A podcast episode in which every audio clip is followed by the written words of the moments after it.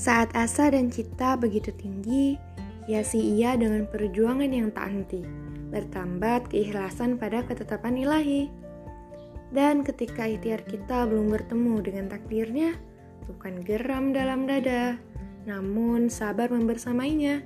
Tak lupa semangat merajut asa senantiasa terpanjang kuat menyongsong masa.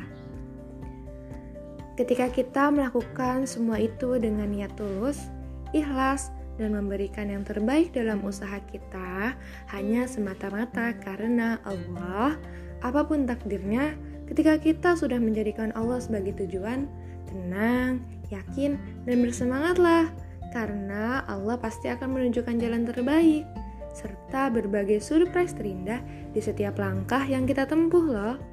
Dan semoga setiap langkah kita selalu bisa menambah kecintaan kita terhadapnya niat yang lurus, ikhtiar yang serius, doa yang tulus.